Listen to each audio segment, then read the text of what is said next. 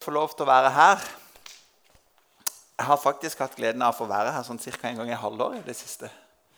Det er fint. Eh, mitt navn er eh, Marius. Jeg jobber som Nicole sa, i eh, Touchpoint Kristiansand og i Randesund misjonskirke som studentpastor og medpastor der. Jeg er blitt 29 år, faktisk. Jeg begynner å bli gammel. To barn har jeg hjemme, og det er meg, tror jeg. Og så eh, spurte Nicole om jeg kunne komme i dag og starte denne serien eh, som heter 'Fjellstøtt'. Og jeg har noe jeg har lyst til å dele med dere. Eh, jeg, jeg, liker veldig godt å være ute på tur. Jeg vet ikke om du gjør det, men jeg liker det veldig godt. Altså, det er Veldig gjerne på fjellet også. Og så er jeg overhodet ikke en sånn type som liksom kan skryte av meg at jeg er sånn hardbarka friluftsmann som liksom sover ute flere ganger i uka og, og, stort sett lever på real turmat. Men jeg er ganske glad i å være ute. Særlig hvis jeg kommer opp i høyden, på en måte, opp på fjelltur. For da får du liksom den der utsikten. Du får se det der nydelige perspektivet og skaperverket. Og det liker jeg himla godt. På den annen side så er jeg også sånn at jeg liker også en varm dusj veldig godt, og deilig mat så får du bare liksom dagsturer som er best. Men kanskje liker du òg fjelltur. Eh, og jeg er litt mer friluftsmenneske enn meg, som liksom bor i denne hengekøya og lever i telt og spiser bare real turmat. Eller så kanskje liker du ikke fjelltur i det hele tatt. Men jeg håpte at eh, om du så var et hardbarka friluftsmenneske eller liksom det helt motsatte og liker det best i sofaen, eh, at du kan være enig med meg om at det er noe fascinerende å komme opp på et fjell. Og Det tror jeg mennesker kan kjenne seg igjen i. at Det er noe fascinerende med å gå opp på fjellet. For det, kan være et slit i bakken når du kommer opp på toppen. Og når landskapet på en måte åpner seg. Det synes jeg er en fantastisk greie. Og det tror jeg mange mennesker kan kjenne seg igjen i. For det er noe fascinerende med en sånn fjelltopp, for da får du plutselig et helt annet perspektiv enn liksom når du er nede i dalen. Når du kommer på toppen av fjellet, så kan du se langt bakover og se liksom hvor du har vært, hvor du kommer fra. Og du kan se liksom langt inn framover hvor du skal, og hvor du er på vei. Og Hvis du har liksom til og med mista liksom veien og egentlig gått deg litt vill, så er det beste du kan gjøre, bare gå opp på en topp. Så kan du liksom orientere deg på ny og se hvor jeg har vært og hvor jeg er på vei. Og kanskje kan du på fjelltoppen få hjelp til å liksom finne liksom retninga på ny. Sånn er det på et fjell. Og så er det egentlig sånn at når vi starter en ny taleserie her på Touchpoint som heter Fjellstøtt, så er det egentlig sånn at De neste mandagene skal eh, vi være med Jesus på fjelltur. Opp på en fjelltopp hvor, hvor, Jesus setter seg ned og underviser. Mange har sikkert hørt begrepet bergprekenen før. Det er jo Jesus' sin tale som finnes i Matteus 5-7 i Det nye testamentet. Denne talen som Jesus holder, hevdes å være eh, verdenshistoriens mest kjente tale. Det er mange som sier det. Eh, han siteres jo ofte, og vi har til og med liksom i vår dagligtale masse uttrykk som vi bruker fra liksom, denne talen hos Jesus. Eh, når vi snakker om å vende andre kildene til, når vi snakker om ulv i fåreklær eller perler for svin, det bruker ikke jeg så mye. det tror jeg ikke vi unge bruker så mye lenger, Men det fins noen sånn uttrykk her som er helt sånn vanlig i det norske språk. Og det sier bare litt om hvordan Jesus sitt ord har prega både tanke, og språk og kultur på veldig mange måter. Det fascinerende med bergpreken er jo at han ikke bare er elska av kristne, men også liksom utenfor kristen sektor så er det mange som har sagt at bergpreken det er noe av det beste de har lest. Blant annet så sier Mahatma Gandhi han sier i sin selvbiografi at etter min erfaring så er bergpreken av Jesus det største som noen gang er skrevet ned. Sier han. Og så legger han til om jeg bare hadde bergprekenen og min egen tolkning å forholde meg til, så var jeg nødt til å si at jeg er en kristen. Den anerkjente teologen John Stott han sier også noe i samme trekk om bergpreken. Han sier at bergpreken er antageligvis den mest kjente delen av Jesus' sin lære. Så sier han også, samtidig kan det likevel hevdes at bergpreken er den delen som er dårligst forstått. Og i alle fall den delen som i minst grad er adlydt. Og Det tror jeg på mange måter han har rett i, for Jesus sine ord er både fantastiske utrolig gode. På den andre sida er det ekstremt utfordrende. Og Det skal vi ta tak i disse neste mandagene hvor dere har denne serien her. Og så blir dagen i dag en slags intro. Vi skal ta tak i starten av Jesus sin tale. og se på noe av dette. Vi skal være med Jesus på fjelltur, hvor han gir oss noen nye perspektiver. Og Jesus sin tale den er jo kjent ikke bare fordi at det er noen sånn slogan som er blitt med i vårt språk, men Jesus berører noen problemstillinger som berører mennesket helt sånn dypt i sitt indre. Eh, hva gjør jeg, og hvor går jeg med min skam? Hva gjør jeg med min bekymring, med den bekymringa som drar meg så dypt ned? Hvordan kan jeg være et godt menneske? Hva gjør jeg når folk hater meg og forfølger meg? Og på hvilken måte kan jeg være annerledes?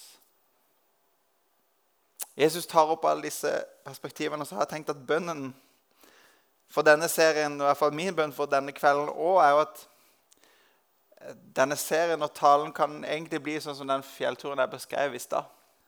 Nemlig at eh, når vi blir med Jesus på fjelltur, så kanskje kan det være sånn at vi får et annet perspektiv. At vi kanskje ser noe av hvor vi, hvor vi på en måte kom fra og hvor liksom Jesus leder oss på vei. Og hvis det er sånn at vi har gått oss litt bort, sånn som vi ofte gjør, så kanskje kan vi få hjelp til liksom å orientere oss på ny over hva det egentlig dette dreier seg om. Hvilken retning hadde egentlig mitt liv? Og så kan vi se hvor Jesus leder oss hen. Um, vi skal straks lese uh, fra bergprekenen og starten av den. Men før vi kommer til bergprekenen, så er det sånn at Jesus han har en stund vandra rundt og forkynt at Guds rike er kommet nær. Som vi leser i første kapittel av Matteus, at han helbreder de syke og kaller disipler. Og så går han opp på fjellet da, og tar med seg disiplene på fjelltur. Vi vet ikke om dette var bare liksom én tale, eller om det er undervisning spredd litt utover en slags liten sånn to måneders bibelskole på fjellet. Men Jesus tar dem opp på fjellet, så står det at han tok til orde og talte. Et uttrykk for at Jesus han, han på en måte deler sitt hjerte med sine disipler. Jesus i denne talen forklarer liksom sammenhengende og grunnleggende om hva er det egentlig Jesus står for. Og dette Guds rike som er kommet nært, som han sier, hva er egentlig det? Hvordan ser det ut? Hva betyr det å være en Jesu disippel? Og Vi skal lese sammen fra starten av Jesus' sin tale i Matteus kapittel 5, vers 1-12. Der står det sånn som dette. Da Jesus så folkemengden, gikk han opp i fjellet. Der satte han seg, og disiplene samla seg om ham. Han tok til orde og lærte dem.: Salig er de som er fattige i ånden, for himmelriket er deres. Salig er de som sørger, for de skal trøstes. Salig er de ydmyke, for de skal arve jorden. Salig er de som hungrer og tørster etter rettferdigheten, for de skal mettes. Salig er de barmhjertige, for de skal få barmhjertighet. Salig er de rene av hjerte, for de skal se Gud. Salig er de som skaper fred, for de skal kalles Guds barn. Salig er de som blir forfulgt for rettferdighets skyld, for himmelriket er deres. Ja, salig er dere når, eh, dere for min, eh, når de for min skyld håner og forfølger dere, lyver og snakker ondt om dere på alle vis. Gled og fry dere, for stor er lønnen dere har i himmelen. Slik forfulgte de også profetene før dere. Vi skal be. Herre Jesus, jeg takker deg for at når vi samles til touchpoint, så samles vi om deg. Det er det vi ønsker å høre fra. Det er det vi tilber, det er det vi takker. Og det er det som vi ønsker skal tale til oss, Jesus. Jeg takker deg for ditt ord som vi nå leste, og jeg har lyst til å be om at du, Jesus, må tale til oss gjennom ditt ord. Må dine ord bringe liv til våre liv og møte oss akkurat der vi er, med alt det det innebærer å være oss. Jeg ber om det i Jesu navn. Amen. De versene vi leste, de kalles ofte for saligprisningene. Det er sånn Jesus innleder sin kjente tale. Og Mange eh, bibelkommentatorer som jobber med Bibel, peker på at det er nettopp disse saligprisningene som er på en måte kanskje den viktigste nøkkelen til å liksom forstå bergpreken som helhet. Derfor er det naturlig å starte her og i dag. og Det er mye jeg kunne ta tak i i disse tingene vi leste, men det er særlig én av disse saligprisningene som jeg har lyst til å snakke om. Fordi at det på mange måter er nøkkelen til å forstå alle de andre, og til å forstå hele bergprekenen i det hele tatt. Og Det leder meg til det første punktet som jeg har for i dag, og det er karaktertrekk. For det er egentlig det saligprisningene er. Noen karaktertrekk. Vi Vi snakker om hva det er, og hva det betyr. For salig det er jo ikke et ord som vi bruker veldig ofte sånn, sånn i det daglige. Jeg gjør det i hvert fall ikke. Kanskje gjør du det. Men liksom, hvis du googler, så det, kommer det opp eh, noen kristne artikler. Men det er stort sett det. Altså VG eller NRK eller noen andre du, de, de, bruker ikke ordet 'salig'. Men Jesus bruker det flittig kjempemasse i denne teksten. Og spørsmålet er hva betyr det egentlig? Ordboka eh, gir to betydninger når jeg sjekker det opp. Den ene definisjonen som gis, er at å være salig er å være fylt av en dyp, intens lykke. En slags fullkomment lykkelig. Mens den andre perspektivet, den andre oversettelse eller betydninga kan bare være så enkelt som at det handler om å være velsigna av Gud. På mange måter stemmer det overens med liksom engelske oversettelser som sier at bruker oversetter ordet 'salig' med å være 'blessed' eller 'velsigna' eller 'happy' enn noen som bruker 'lykkelig'. Og På en måte så kan det nesten kanskje være liksom fristende å bruke ordet 'lykkelig', fordi det er jo det stort sett vi har lyst til å bli. Alle mennesker streber etter å bli lykkelige. Men ordet 'lykkelig' hjelper oss bare liksom litt på vei, fordi at lykke er en slags ting som jeg kjenner på. Noe som er subjektivt for hvordan jeg føler og opplever og kjenner at jeg har det. Men det Jesus sier her, handler egentlig ikke om hvordan jeg har det, men det handler om hvordan Gud ser på meg. Så når Jesus sier at dere er salige fordi, så er ikke det betydninga at nå føler du deg lykkelig og har aldri kjent en mer fullkommen lykke på innsida, men, men, det handler om noe Jesus sier over deg. For det at han sier at du er salig når Og det er en slags objektiv vurdering fra Guds side om at du er salig når Og så kommer alle disse saligprisningene. Ikke en lykke og en oppskrift på lykke. Det er ikke det vi holder på med, men Jesus sier om at det fins noe her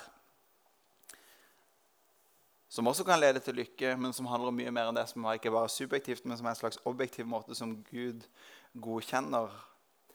Og Jesus presenterer disse da åtte karaktertrekkene, om du vil, eller kvalitetene for de som ønsker å være disipler av Jesus.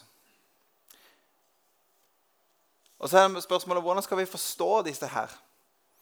De skal ikke forstå som at liksom, noen disipler er liksom ydmyke, og noen er barmhjertige, og noen er fattige. og sånn. Det er ikke slags ulike grupper, men Jesus sier at alle disse skal prege hver en av oss som ønsker å følge Jesus. Vi skal både være ydmyke og barmhjertige, vi skal være fattige ånd, vi skal være rene av hjerte, vi skal være sørgende og sultne.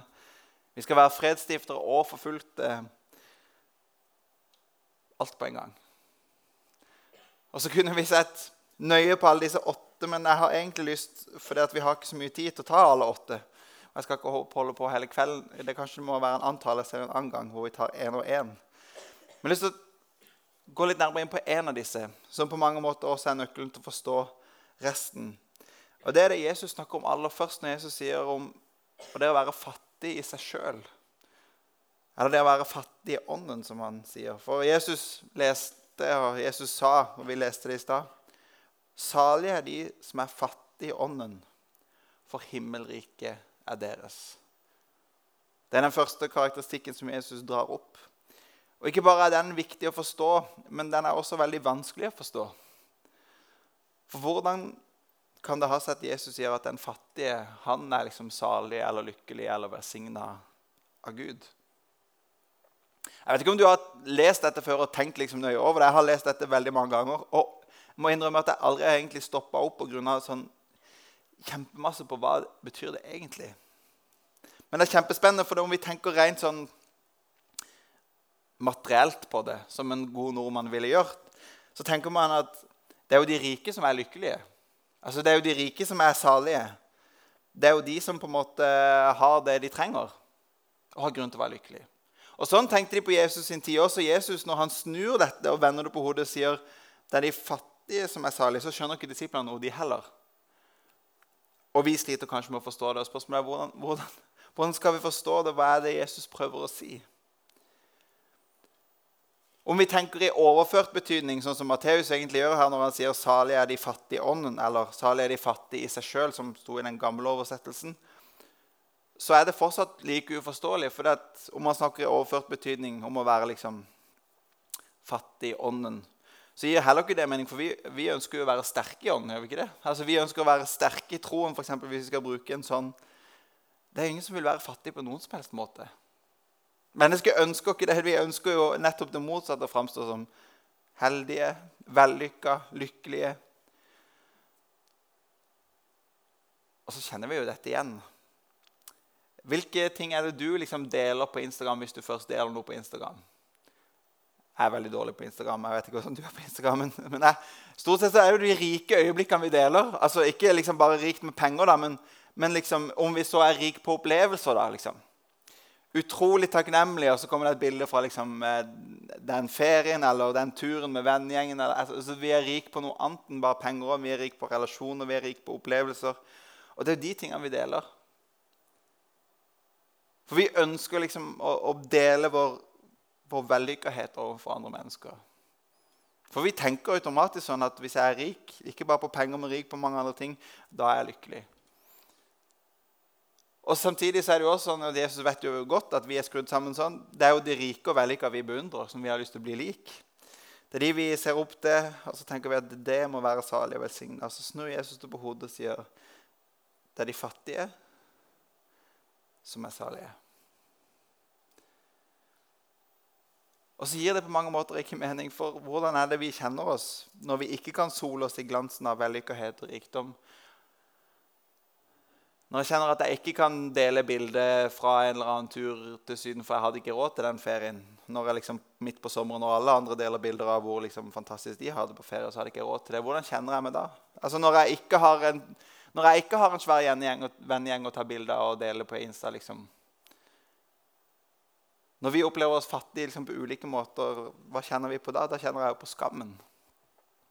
På nederlagsfølelsen, på at jeg ikke får det til.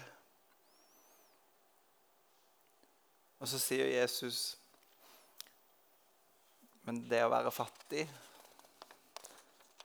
i ånden, det er å være salig. Hvordan skal jeg forstå det? Nøkkelen til å på en måte skjønne det Jesus sier her, det er at det fins en del ting som de fattige kan mye bedre enn de rike.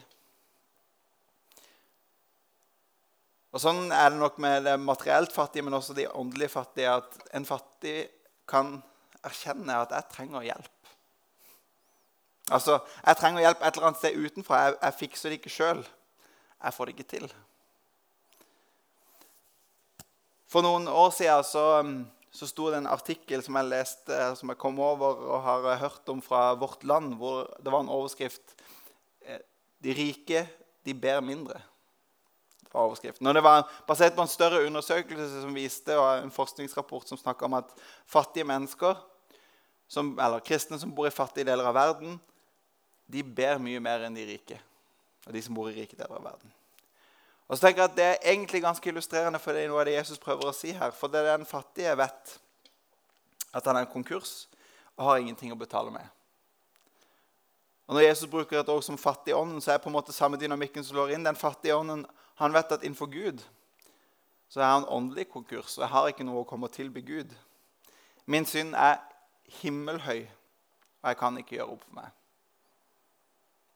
Studier viser at det fins noe de fattige kan bedre enn de rike.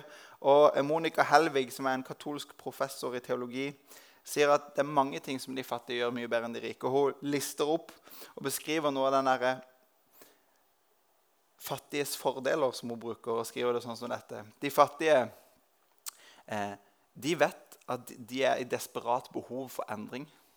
Og så sier hun derfor kan de også reddes. Og så sier hun de fattige kan skille mellom hva som er nødvendig, og hva som er luksus. De fattige hører evangeliet, og når det forkynnes, så hører de det som gode nyheter, ikke som trussel eller refs. Og De rike legger hun til, eh, de hører evangeliet og tenker først og fremst på alt jeg må gi opp, alt jeg må gi fra meg. Mens den fattige, når hun hører evangeliet, tenker å se på alt jeg får. Så er det kjempestor forskjell. De fattige responderer til evangeliets kall med en oppgivelse og et ukomplisert liksom, total overgivelse fordi de har ikke så mye å miste og er klar for hva som helst. Jeg tror Monica Helvig har veldig masse rett i det hun sier. Og så er det poeng her og noe som er viktig å understreke. For Jesus han, han idealiserer ikke fattigdom her. På ingen som helst måte. Det er jo ikke det at man er fattig, som gjør at man blir salig i utgangspunktet. Men Jesus har et poeng at det er de salige som har tomme hender. Og som har mulighet til å ta imot det Gud har å gi. For det er det Gud har å gi, som i utgangspunktet gjør salig. Men Jesus' poeng er at de rike på veldig mange måter har hendene fulle allerede. Og har ikke lyst til å ta imot det som Gud har å gi, fordi at de har hendene fulle allerede. Men de som er fattige, kan ta imot med tomme hender det som Gud har å gi. Derfor er himmelriket deres. Derfor er de salige, fordi de får lov til å ta imot det Gud ønsker å gi. Fordi man har gitt opp å fikse sjøl. Man har sluppet taket og bare tar imot det Gud kommer med.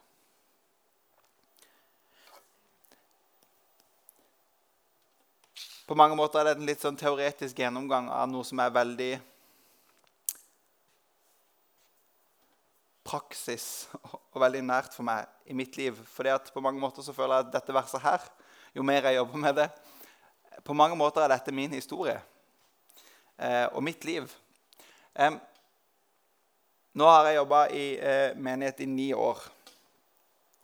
Og Noen ganger tenker jeg at jeg har himla tungt for det, for det er mange mange ting å jobbe med allikevel. Og sånn tror jeg det er for de fleste. Og selv om vi har fulgt Jesus i mange år, så eh, er det noen ting som ikke bare går av seg sjøl.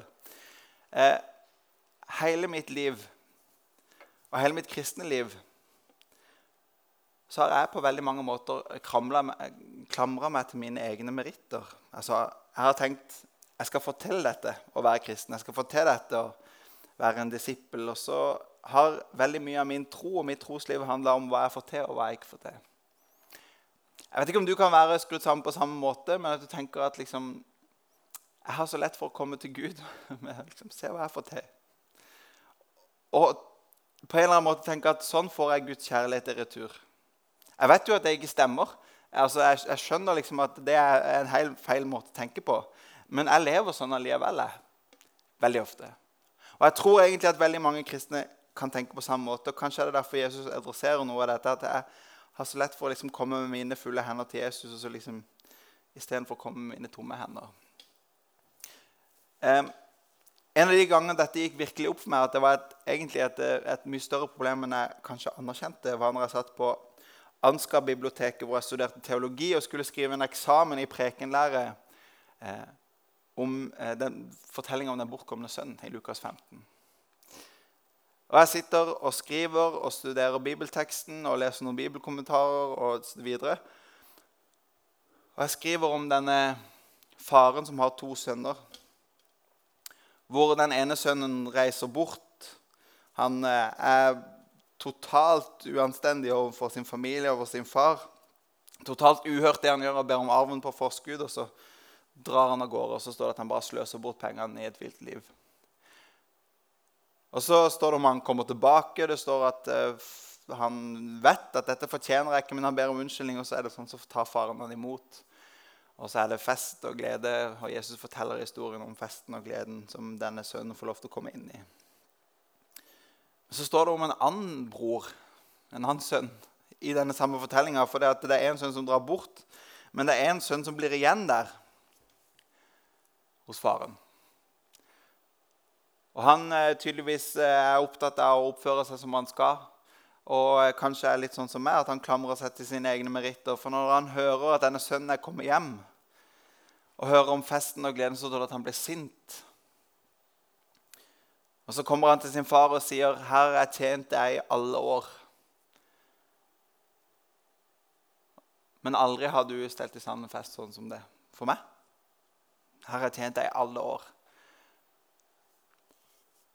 Og Hva er det egentlig denne eldstebroren sier? Han sier jo egentlig hvis det var noen som hadde fortjent en fest, så var det meg. Så her kommer denne sønnen din hjem, som har sløst bort liksom alt og oppført seg totalt uanstendig. Og så kommer han, så tar du han imot. Mens meg, jeg som virkelig hadde fortjent noe med alle disse tingene Se, her, her har jeg gjort Aldri gjort imot ditt bud, sier han. Jeg hadde fortjent din velsignelse hvis det var noen som hadde fortjent din fest. Så var det meg. Og når jeg satt der på Ansgarskolen, så slo det meg plutselig at jeg har veldig lett for å leve mitt liv med Gud på den måten at jeg tenker at Gud på en eller annen måte skylder meg for alle mine gode gjerninger. Gud på en måte, jeg, Akkurat som mine gjerninger gir en slags makt overfor Gud, for at nå må du velsigne meg, Herre, jeg har tjent deg i alle år.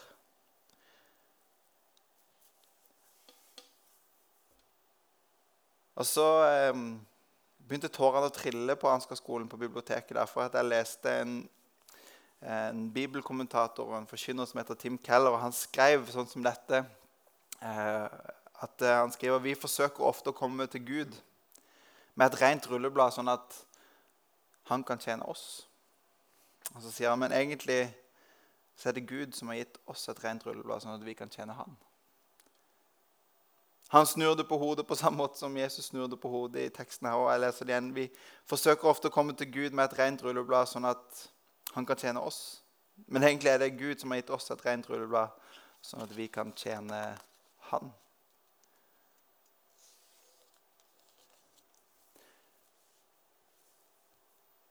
Etter den episoden på Ansgar-skolen hvor jeg på en måte skjønte at jeg har veldig lett for å være sånn som den der eh, eldstebroren så forandra masse seg i mitt liv.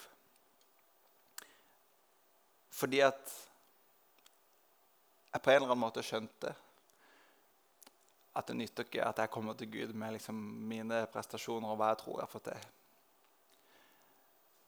Men kanskje kan jeg være litt mer sånn som Jesus beskriver her, om denne som er fattig i seg sjøl, som er fattig i ånden, som bare erkjenner at vet du hva, jeg har ingenting å stille opp med. Jesus, Hvis jeg kan få lov til å komme til deg med tomme hender og ta imot det du har for meg istedenfor alt jeg prøver å få til sjøl, så kanskje kan livet mitt bli ganske annerledes.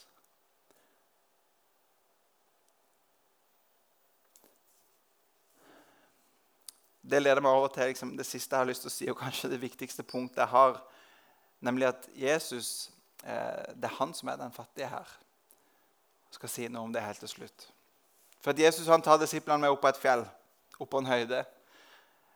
Og saligprisningene og bergprekenen de forstås best i lys av et annet fjell. De er på et fjell, de er på en høyde, men hele greia forstås best i lys av en annen høyde. For på dette fjellet som Jesus har tatt dem opp på, så ser man også et annet fjell. Et fjell som heter Golgata, hvor Jesus senere dør på et kors. Hvor Jesus blir hengt på et kors. Og Golgata-fjellet er på mange måter nøkkelen til å forstå det som skjer på dette fjellet som disiplene og som vi er nå. For Vi har lett for å tenke at saligprisningene de beskriver disippelen, den troende de skal beskrive oss. Det er våre karaktertrekk skal beskrive den kristne. Og det er absolutt riktig. Dette er utfordringer til oss. Men saligprisningene beskriver ikke minst Jesus sjøl. For det var Jesus som ble fattig og ga avkall på alt, sånn at jeg kunne bli himmelrik og få liv. Og Vi leser om at det var Jesus som sørga og gråt over sitt folk, sånn at jeg kunne få trøst. Vi kan arve jorda, som det står om, fordi at Jesus ble ydmyka, spotta og pint og torturert.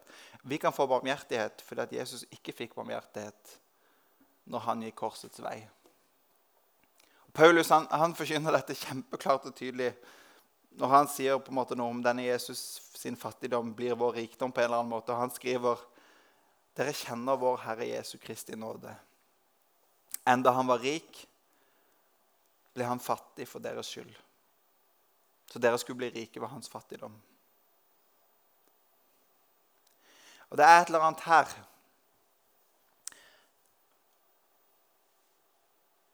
med å skjønne at jeg har egentlig ingenting å komme med i meg sjøl. Men når jeg erkjenner det og kommer med mine tomme hender til Jesus, så kan jeg få lov til å ta imot det han har for meg.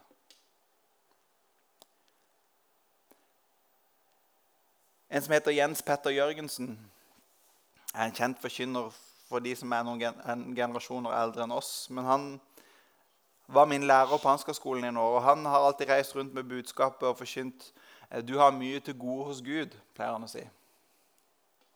Du har mye til gode hos Gud. Han sier at du har mye til gode fordi at vi har en tendens til å ikke slippe til alt det gode som Gud ønsker å gi oss. Han sier at eh, vi stort sett har en tendens til å klamre oss til våre gode gjerninger. Vi har tendens til å liksom stenge Gud ute, for vi ønsker ikke å slippe han til i livet vårt sånn som livet vårt faktisk er. Og så på ulike måter, enten med vår perfeksjon og tenker at jeg trenger ikke Gud fordi jeg fikser livet sjøl, så holder vi han utenfor. Eller vi holder han utenfor fordi jeg har bare ikke lyst til å se at han skal se hvordan livet mitt faktisk er. Så holder jeg på utsida og sier han, du har utrolig mye til gode hos Gud. For Gud har alt dette gode for deg, men du lar han ikke få lov til å slippe til. Og så sier han også at eh, det er når du liksom virkelig åpner opp og sier sånn, sånn er det å være med.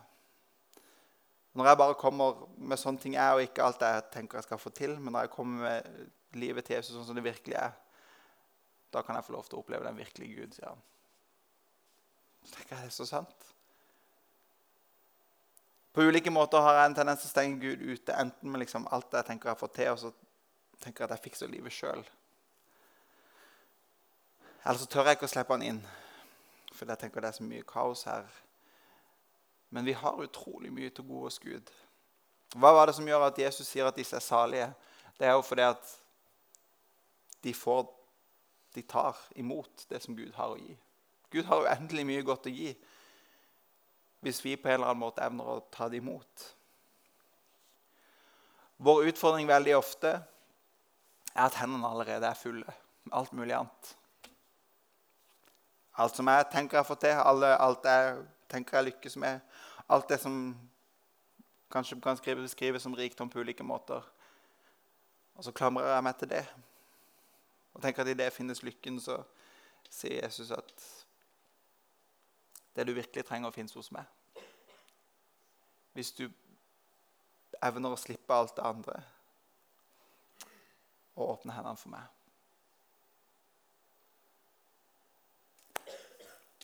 Jeg vet ikke hvordan eh, dette lander hos deg, hva du tenker på når jeg har delt det jeg deler, men jeg tror at Gud ønsker å fylle våre tomme hender. Han ønsker å fylle det med seg, med alt det der gode som vi har til gode hos han. Med alt hva han er, og alt hva han har. Med alle de ressursene han har, så ønsker han å møte livet våre hvis vi faktisk slipper han til. I Johannes' åpenbaring 3,20 så står det et bibelvers som jeg er uendelig glad i. Det står om Jesus, og han sier, 'Se, jeg står for døra og banker.' Om noen hører min røst og åpner døren, vil jeg gå inn til ham og holde måltid. Jeg med ham og ham med meg, sier han. Og Dette bibelverset har jeg stadig oppe foran meg, og jeg ser det levende for meg hvordan Jesus alltid han står der konstant og banker på en dør. Og Jeg ser ofte for meg den døra som på en måte døra inn til mitt liv. og så vet at Jesus står der